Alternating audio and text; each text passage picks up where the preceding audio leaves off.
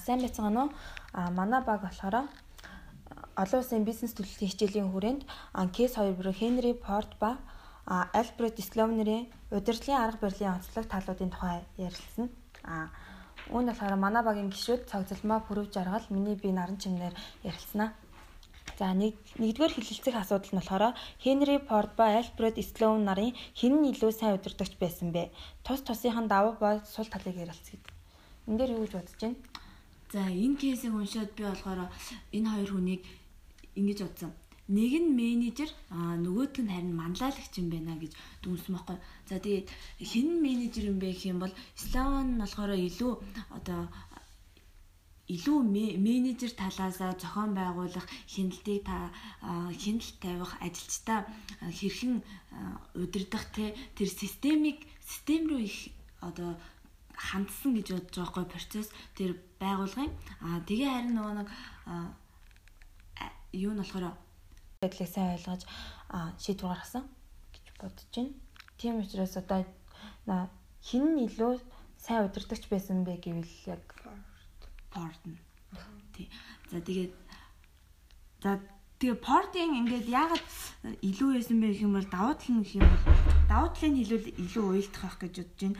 А давуу тал нь юм бол эрс шийдэмгүй. Тэгээд гаргасан шийдвэрээс ерөөсөө нэцдэггүй. Тэгээд ажилчдаа ажлыг хийлгэж чадна. А түүнд нь тохирсон одоо шагнал урамшуулагч мөн өгч чаддаг байсан. Тий. Тэгээд одоо дараа нь юм бол хамгийн одоо таалагдсан зүйл нь юм бол хуримтлыг бий болгож чадсан. Одоо юу жи жи Generous Generous аа мотор одоо ингээд орж ирсэн шүү дээ ингээд зах зээлийн ингээд булааж авсан шүү дээ. Тэгсэн ч гэсэн одоо нөө нөө хувь нь одоо бүр алга болчоогоо дампуурахгүй байсан шалтгаан нэг юм бол хуримтал бий болсон мөнгө нь байгаад байсан учраас бүр хэд тийм нэг санхүү тэгрүү заагаагүй зээл дампуур зээл рүү ороогүй ч юм уу. Тийм болохоор бас хэдий нэг цаг үеэ мэдэрч чадахгүй байсан ч гэсэн дампуурч дампуураагүй байсан хоримтол бий гэж магадгүй. За Хенри Форд болон юуны Альберт Слоунерийн даваалын сул тал нь сул тал нь болохоор а дээд зэрэгээр өөрийн дураар загиндаг одоо нэг хийсвэр хоосон зүйлийг үзэж чаддаггүй. Тэгээ нэг өөрийнхөө шийдвэрийг ажилчдаа тулгадаг байсан. Тэгээд ажилтны санал бодлыг нэг илэрхийлэхгүйгээр өөрийнхөө зүйлийг тулгаад а өөртөө өөрөө өөртөө шийтгэл ерөөсө хоногдуулдаг байсан. Энэ болохоор хамгийн сул тал нь. Тэгээ компани дотоод бүтц болоо өөр энэ нэг системд шинжилэлт хийдэг байсан бас нэг сул тал болж байгаа. За Альфред Слоуны болохоор давуу тал нь болохоор багийг бүрдүүлж чадсан, бусдаас суралцдаг, ажилчдынхаа хариуцсан ажлыг чанартай гүйцэтгэхийн тулд тэдэнд юу хэрэгтэй, юу шаардлагатай түүнийг нь бүрдүүлж өөрсдийнх нь сэтгэх санаачлахад зөв зохион байгуулалт нь чөлөөтэй ханддаг байсан. Тэгээд өөр аа тэгээс нэг юу одоо автомашины хэр загварыг одоо нөгөө нэг автит хийх юм одоогийн одоо хэлэх юм бол жоохон жоохноор баг багаар ингээд шинжилдэг байсан. Хэд ийм бүр ингээд бүтцээр нь ч юм уу бүр ингээд загварын бүр эрс өөрчлөх биш жижигэн жижигэн титат титат хэсгийг ингээд өөрчилдөг. Аа мөн тэр тухайн одоо 1920-ад үе 20-ад он гэхэр чинь тэр үед болохоор автомашин ганцхан хар өнгөтэйсэн гэж аахгүй. Харин ислам нь болохоор өнгөний төрлийн аюу олон болгосон бас загварыг бас нэмэгдүүлсэн байна.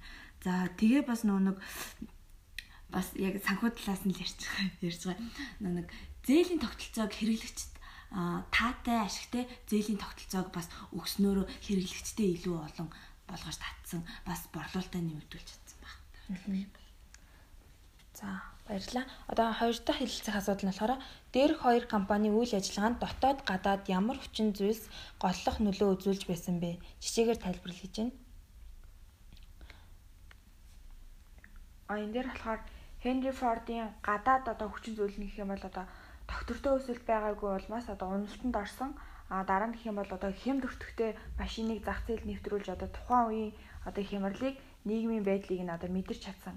А дотоод хүчин зүйл нь Хенри Фордын дотоод хүчин зүйл нь гэх юм бол одоо цалин нэмэгдүүлж бүтээмжийг дээшлүүл одоо ажилчдыг итгэвжүүлж чадсан байдаг. А дараагийнх нь гэх юм бол одоо үйлдвэрлэлийн зөв системийг нэвтрүүлж одоо цаг хугацааг маш сайн ашиглаж чадсан. А Ислооны одоо гадаад хүчин зүйл гэх юм бол одоо хэрэглэгчдийн хэрэгцээ шаардлагыг мэдэрч одоо шин загварыг гаргасан. А мөн өрсөлдөгчийн хувьд олон өрсөлдөгч одоо олон өрсөлдөгч тухайн үед байгаагүй. А мөн өөрийнхөө одоо үнэт цаасыг арилжаалж одоо чадсанаар хөрөнгө оруулалтыг одоо татаж чадсан. А Ислооны дотоод хүчин зүйл гэх юм бол одоо ажилчдын ажилчдын үүрэг нөлөөллийг өсгөж өгснөөр одоо ажилчдыг идэвхжүүлж урам зориг өгсөн а мөн ажилчдыг хөдөлмөрийг нь одоо зөв зохион байгуулж шинэлэг одоо системийг нэвтрүүлж чадсан. А тэгээд сайн менежментийн баг одоо бүрдүүлж чадсан. Энд дээр бас нэг Хенри Порт ч 1920 оноод онд болохоор эдийн засгийн хямралд орсон байсан. Тэр эдийн засгийн хямралыг бас зөв нөгөө нэг мэдэрч чадсан болохоор энэ дотоод юу хүчин зүйлд нөлөөлж байгаа гэж байна. За Гуравтаа хэлэлцэх асуудал нь болохоор Хенри Фордын удирдлагын арга барил үр дүн муутай байсан учир шалтгаан юу байсан бэ? Компани уналтанд хүрэхгүй байхын тулд юу юу хийх шаардлагатай байсан гэж үзэж байна. А энэ дээр болохоор зэрэг одоо өрсөлдөх чадмар нь одоо тутмаг байсан. А мөн зах зээл зах зээл дээр одоо өөр зүйл хүсэж байгааг одоо мэдэрч чадаагүй. А мөн нөгөө ажилчдын одоо сэтгэл ханамж болон ажлын байр орчинд нь одоо анхаарал хандуулаагүй байсан өөрийнхөө үзэл бодлыг ажилчдаа одоо илүү одоо нөгөө тушаадаг мөн багийн ажиллагаагүй байсны улмаас автократ хитрхи нөгөө нэг автократ удирдлагын шинжинд хамгаалцсан болохоор тэгж байгаа л та. За тий.